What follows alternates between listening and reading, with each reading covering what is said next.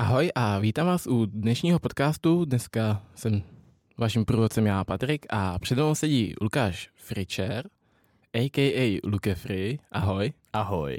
Tak možná ho zva, někteří z vás znáte jako youtubera, influencera nebo moderátora. A dneska si budeme trošku povídat o Lukášovi, ale řekneme si i něco hlavně k tomu školství. Takže já na tebe hnedka hodím první otázku. Házej, chytám. A máš mladšího bráchu Matyáše. Ano. Předtím, když jsme se bavili, tak si říkal, že teď už je v maturitním ročníku. Jak teď prožívá ty maturity?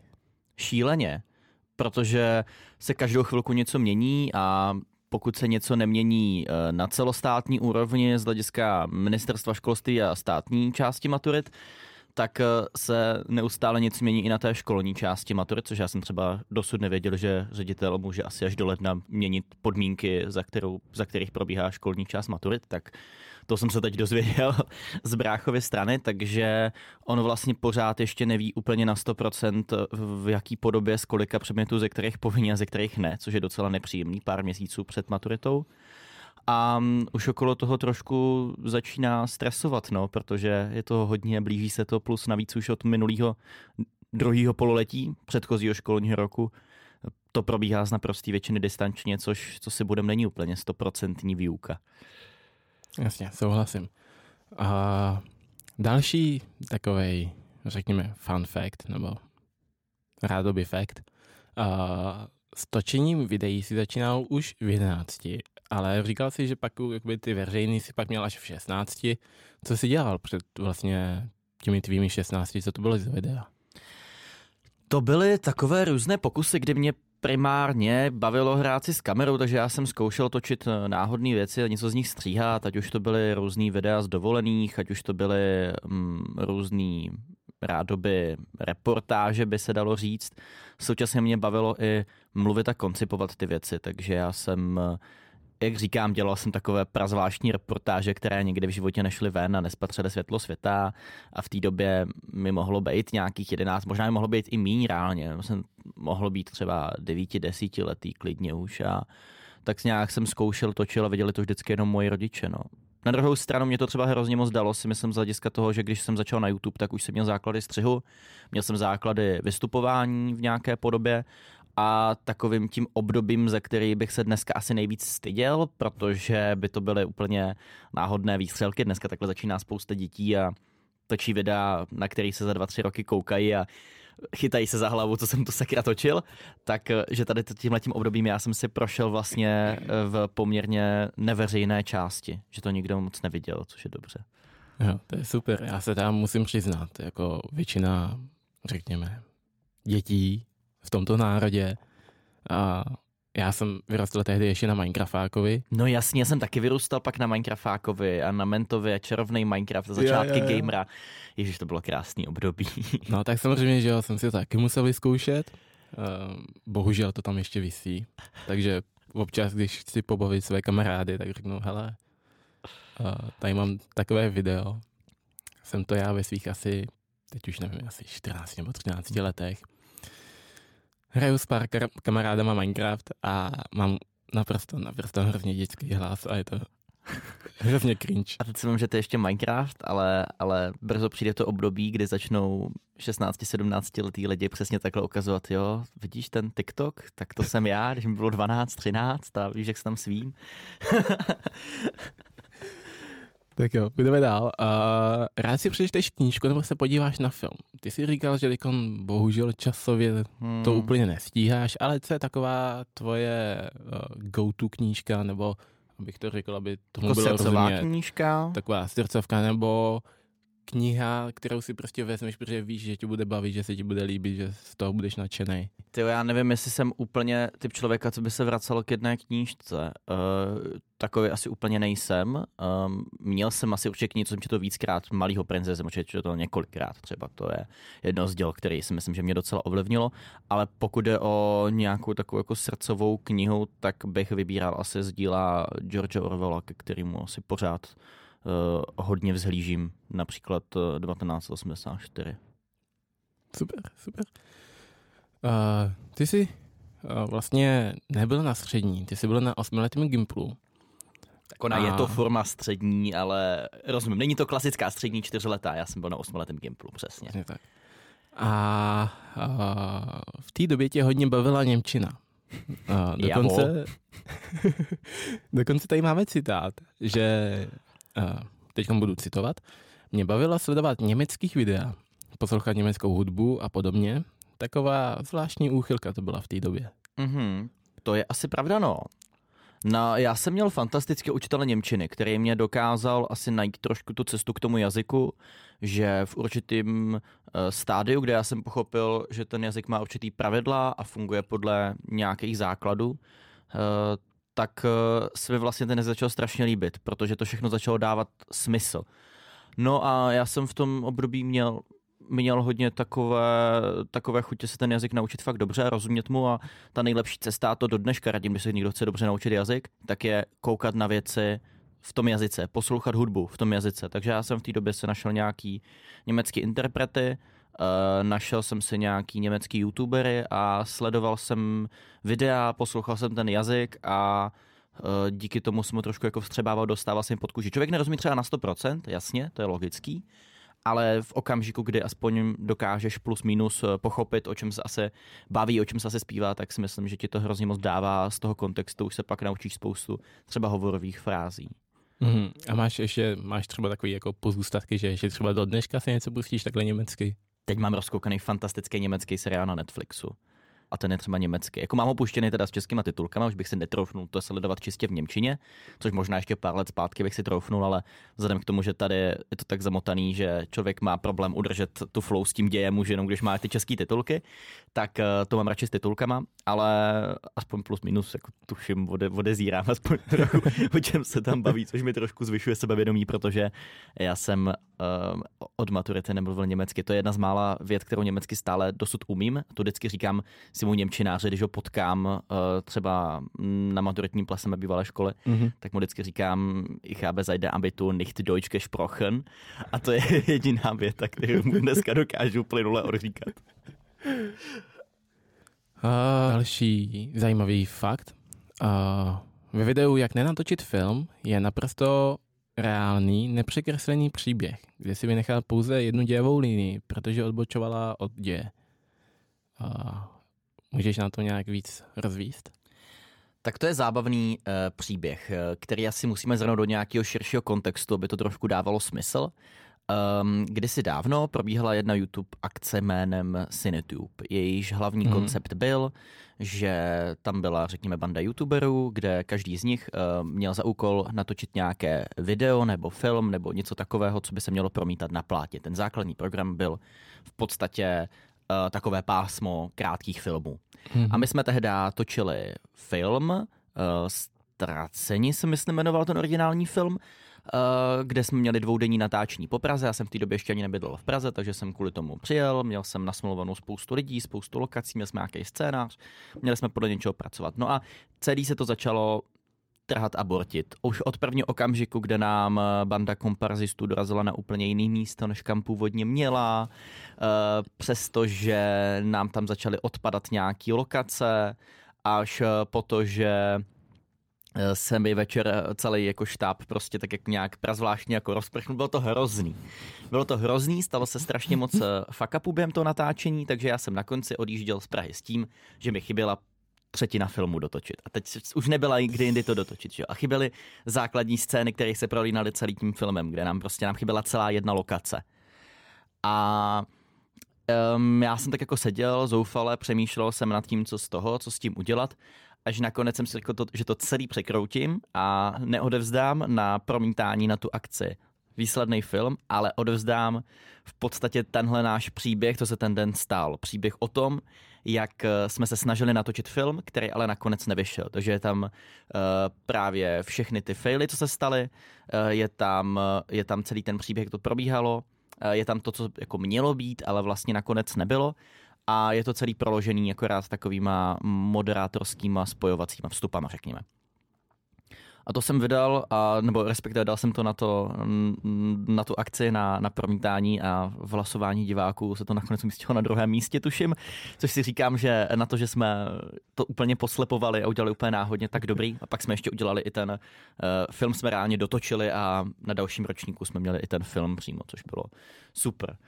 No a ten příběh, eh, on místě totiž vypadá docela šíleně, uh, vypadá, že se to takhle nemohlo stát a protože to opravdu končí tím, jak se mi štáb rozprchnul na šlapadla z ničeho nic a nikdo, vypadá to, že sebe si to fakt jako vymysleli a bylo to celý vlastně jako naskriptovaný a vymyšlený, ale přitom to bylo, byla to opravdu jako realita.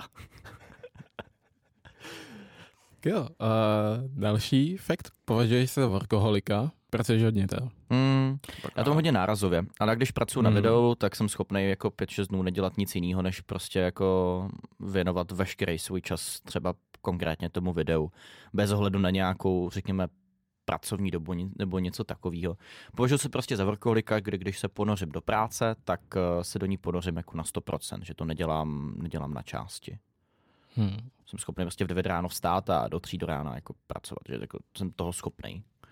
A pak samozřejmě jako na dostanu jsme schopni odpadnout, jo. Ale uh, to je naštěstí kouzlo té volné práce, kdy člověk nemá, nemá nad sebou šéfa, nemá pevný zaměstnání a nechci říkat nemá deadliny, ale stanovuje si je ve většině případech sám. Takže si to můžu dovolit, no. Ale mám pocit, když člověk dělá jako sám na sebe, tak to má, uh, tak je to na jednu stranu nebezpečný právě v té velké volnosti, mm-hmm. protože pokud člověk nemá dostatečnou vůli, tak uh, může taky jako udělat nic, ale současně tím, že pracuje pro sebe a, a na sobě a na svých projektech a na svém méně, tak si myslím, že je to obrovský hnací motor na druhou stranu. V tom, že třeba to udělá mnohem víc, než kdyby byl někde zaměstnaný a dělal třeba stejnou práci, ale dělal i pro někoho. Jasně. A setkal jsi se někdy s tím, že bys měl nějakýho, řekněme, anglicky mluvícího člověka, který tě sleduje a přečetl tvé jméno jako Luke Fry?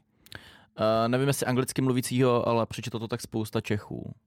Zajímavý. Hodně dlouho mě tak uh, jako různě uh, představovali a dlouhou dobu to byl, řekněme, takový drobný mím, že mi tak lidé říkali na schvál.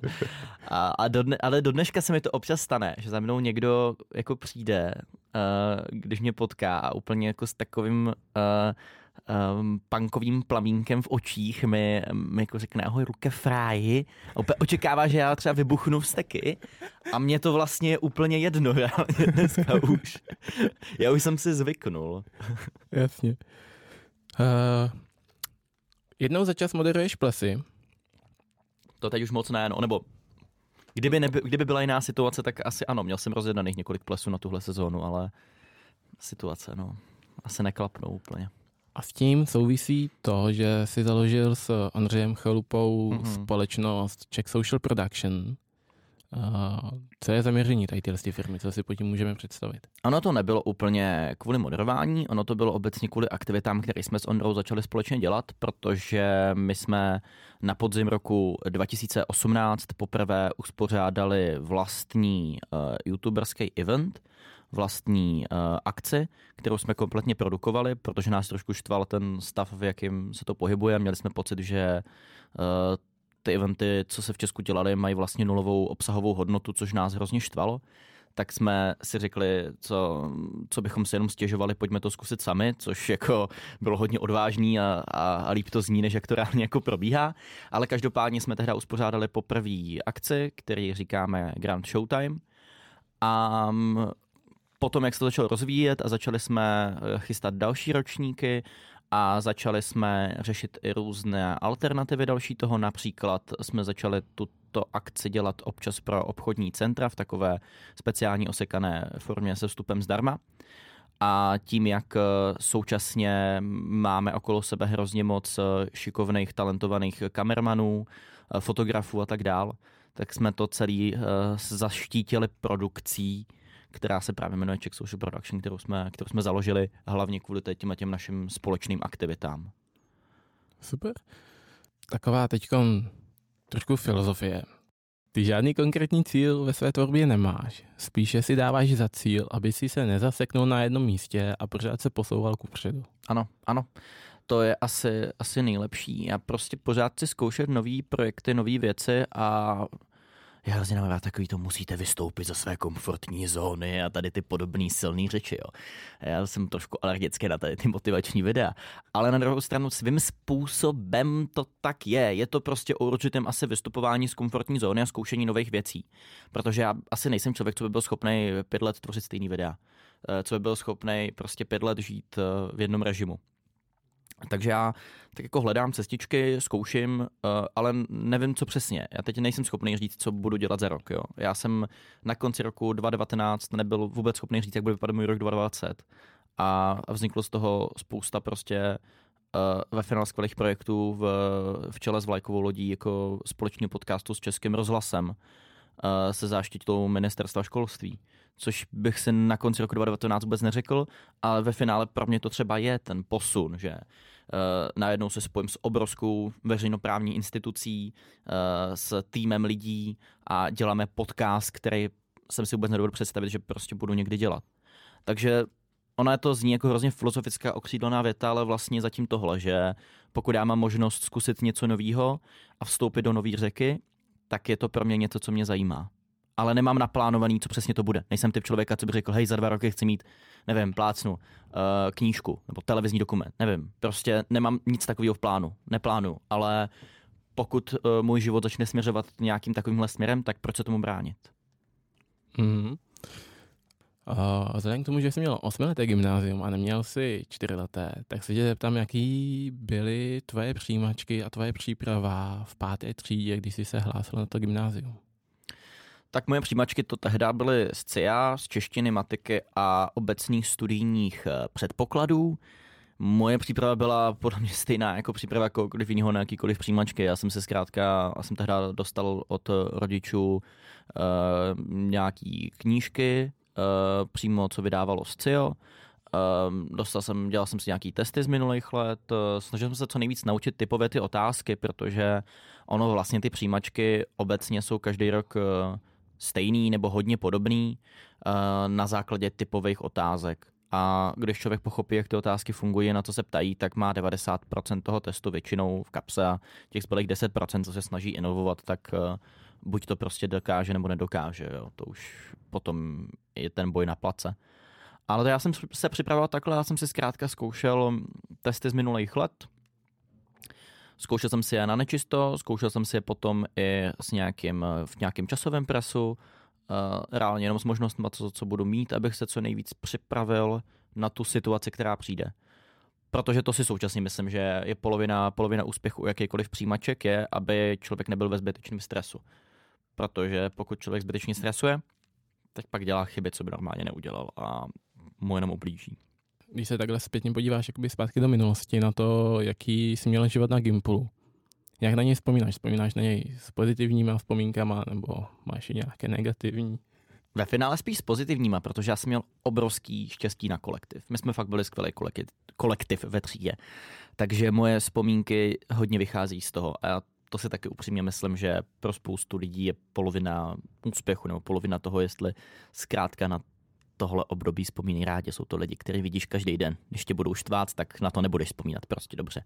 Takže my jsme naštěstí byli super kolektiv a já jsem si docela sednul se svýma spolužákama, takže to bylo super. Aspoň nám to rád. Co se týká obecně systému, tak já k němu měl spoustu výrad. Um, už během studia, i teď jako po studiu do toho občas jako šťourám samozřejmě. Ale jsou to spíš takový um, takový jako průběžný nespokojenosti, které se hrozně odrážejí od tvýho aktuálního pocitu, od tvých aktuálních potřeb. Že zkrátka, když eh, se zajímáš o nějaký téma, tak tě štve, že ten učitel tomu není ochotný věnovat čas když tě naopak něco nezajímá, tak tě štve, že učitel k to, po tobě chce, nevím, prostě tři laboratorky z fyziky tamhle. Ještě to vůbec nezajímá a nerozumíš tomu a když to konečně nějak jako poskládáš dohromady za pomoci jako lidí, kteří se v tom víc vyznají, tak akorát dostaneš pokáráno, že jsi to prostě, um, že jsi to, že jsi to sebral od všech okolo. A ty nemáš pořád něco s tím dělat, protože ty sám tomu nerozumíš a, a nechápeš to. Takže co týká jako školského systému, tak eh, mě to bylo hodně učitel od učitele, předmět od předmětu.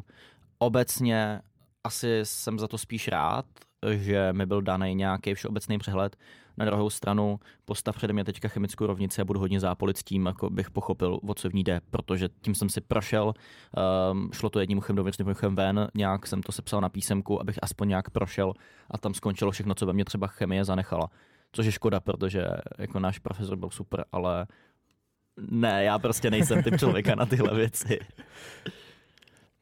Mm-hmm. Tak jo, já ti moc krát děkuju. A teď ti dám prostor udělat si takový shoutout pro sebe, kde tě všude lidi můžou najít. Na YouTube, na Instagramu, na Twitteru, na TikToku, tak vždycky všude jako Lukefree. Občas Lukefree.cz, ale ve většině případech Lukefree. Mm-hmm. A nějaký závěrečný slova pro studenty, kteří jsou vlastně v devátém ročníku a budou si vybírat svoji budoucí střední školu, ať už je to odborná, nebo jestli je to gymnázium, nebo hmm. jestli je to uh, takzvaný učňák. No, je to těžká volba. Já jsem ve finále rád, že jsem před ní nemusel stát, protože já sám bych byl podobně v 8. 9. třídě strašně zmatený z toho, kam vlastně chci jít, protože člověk v tomhle věku ještě nemá úplně ujasněný svoje životní priority takhle bych to řekl. Pokud víte, kam chcete směřovat, pokud mm, víte, že vám něco jde víc než něco jiného, více vidíte spíš buď to na technický, nebo na humanitní obor, nebo na cokoliv takového, je super se už na střední profilovat, protože myslím si, že vám to dá mnohem víc, než uh, jít na něco náhodného a pak jako zjistit, že vlastně to není něco pro vás. Takže pokud máte možnost se specializovat, tak se začněte specializovat co nejdřív. Je to super. Na druhou stranu uh, chápu spoustu lidí, co jde na Gimple, protože existují obory, které zkrátka nemají v rámci českého systému zastoupení uh, na středoškolské úrovni. Například u sebe to udávám u žurnalistiky, na kterou já jsem pak šel. Já bych vlastně pro ně neměl lepší střední školu než Gimple. Takže uh, i Gimple má svůj obrovský význam. A co týká přijímaček a podobně, vím, že to letos je hodně těžká situace. Vím, že je to letos hodně nepříjemná situace. A ta příprava nebude jednoduchá na stranu druhou jste v tom všichni jako za stejno. A přijímačky nefungují na bázi, musíš být úspěšnější než eh, tahle úroveň, musíš získat aspoň tolik a tolik bodů. Přijímačky fungují na základě takzvaného percentu, to znamená z těch reálných letošních výsledků, v jakém, eh, na jaké pozici z těch všech se vlastně umístil, eh, okolo, v jaké skupině se pohybuješ z hlediska úspěšnosti. A v tom jste všichni stejně. To znamená, možná ta celková úspěšnost bude nižší, ale bude nižší u vás u všech. Všichni máte podobné podmínky, takže bych se tím zase tak nestresoval, zase bych z toho nebyl tolik zoufalej. Ono to nějak půjde. Hlavně nestresujte, zkuste si testy z minulých let a, a buďte v klidu. A zaměřte se v rámci těch testů na to, co vám spíš jde a na tom nažíňte body. Super, díky moc, díky, že jsi se u nás zastavil. Já děkuji za pozvání. A já vám divákům děkuji za pozornost a budu se na vás těšit u dalšího podcastu. Ahoj.